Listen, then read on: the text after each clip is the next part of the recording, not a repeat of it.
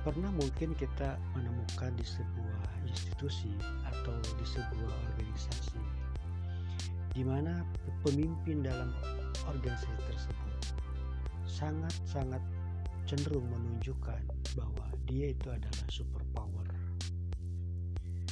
Dia adalah seseorang yang serba bisa dan dia adalah seseorang yang serba tahu. Sehingga yang muncul dalam kesehariannya itu adalah sebuah upaya untuk menunjukkan bahwa dia itu adalah segala-galanya.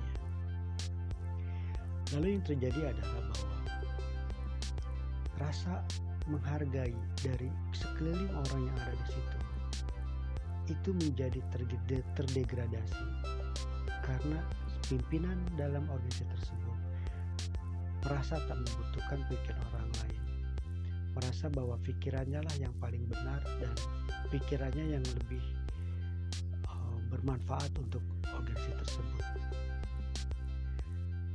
Organisasi yang memiliki pemimpin tepi yang tipe yang seperti ini itu tidak akan menjadikan anggota organisasinya menjadi orang-orang yang pandai, menjadi orang-orang yang dapat meningkatkan kapasitasnya, menjadikan orang-orangnya yang ada di situ lebih meningkat lagi uh, kemampuan dan skillnya.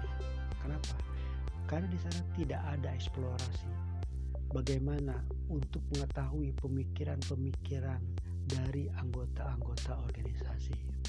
Padahal organisasi itu adalah bertujuan untuk apa organisasi itu adalah sebuah tempat, sebuah kumpulan bagi orang-orang yang memiliki tujuan yang sama.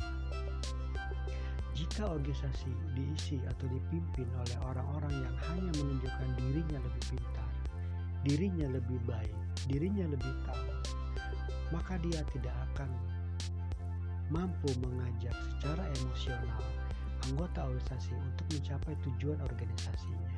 Karena apa? Karena anggota organisasi tidak merasa dilibatkan untuk hal itu. Sehingga yang terjadi adalah bahwa organisasi, anggota organisasi akan menjadi pasif.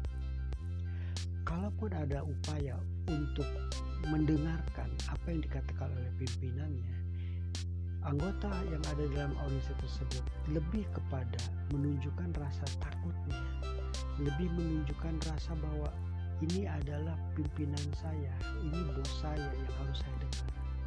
Di belakang itu, kejadiannya beda lagi.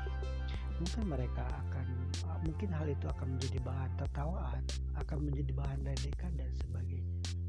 Sehingga dengan itu maka sepatasnya lah, seyogyayanya seorang pemimpin dalam sebuah organisasi memahami, mengerti apa yang diinginkan juga oleh anggota organisasinya. Sehingga tujuan organisasi, tujuan yang ingin dicapai oleh organisasi itu dapat di, dapat dapat karena memang mendapatkan dukungan dari semua anggota organisasi. Untuk itu, seorang pemimpin harus mau mendengar, harus mau memahami, harus mau tahu apa yang diinginkan oleh anggota-anggotanya. Demikian terima kasih.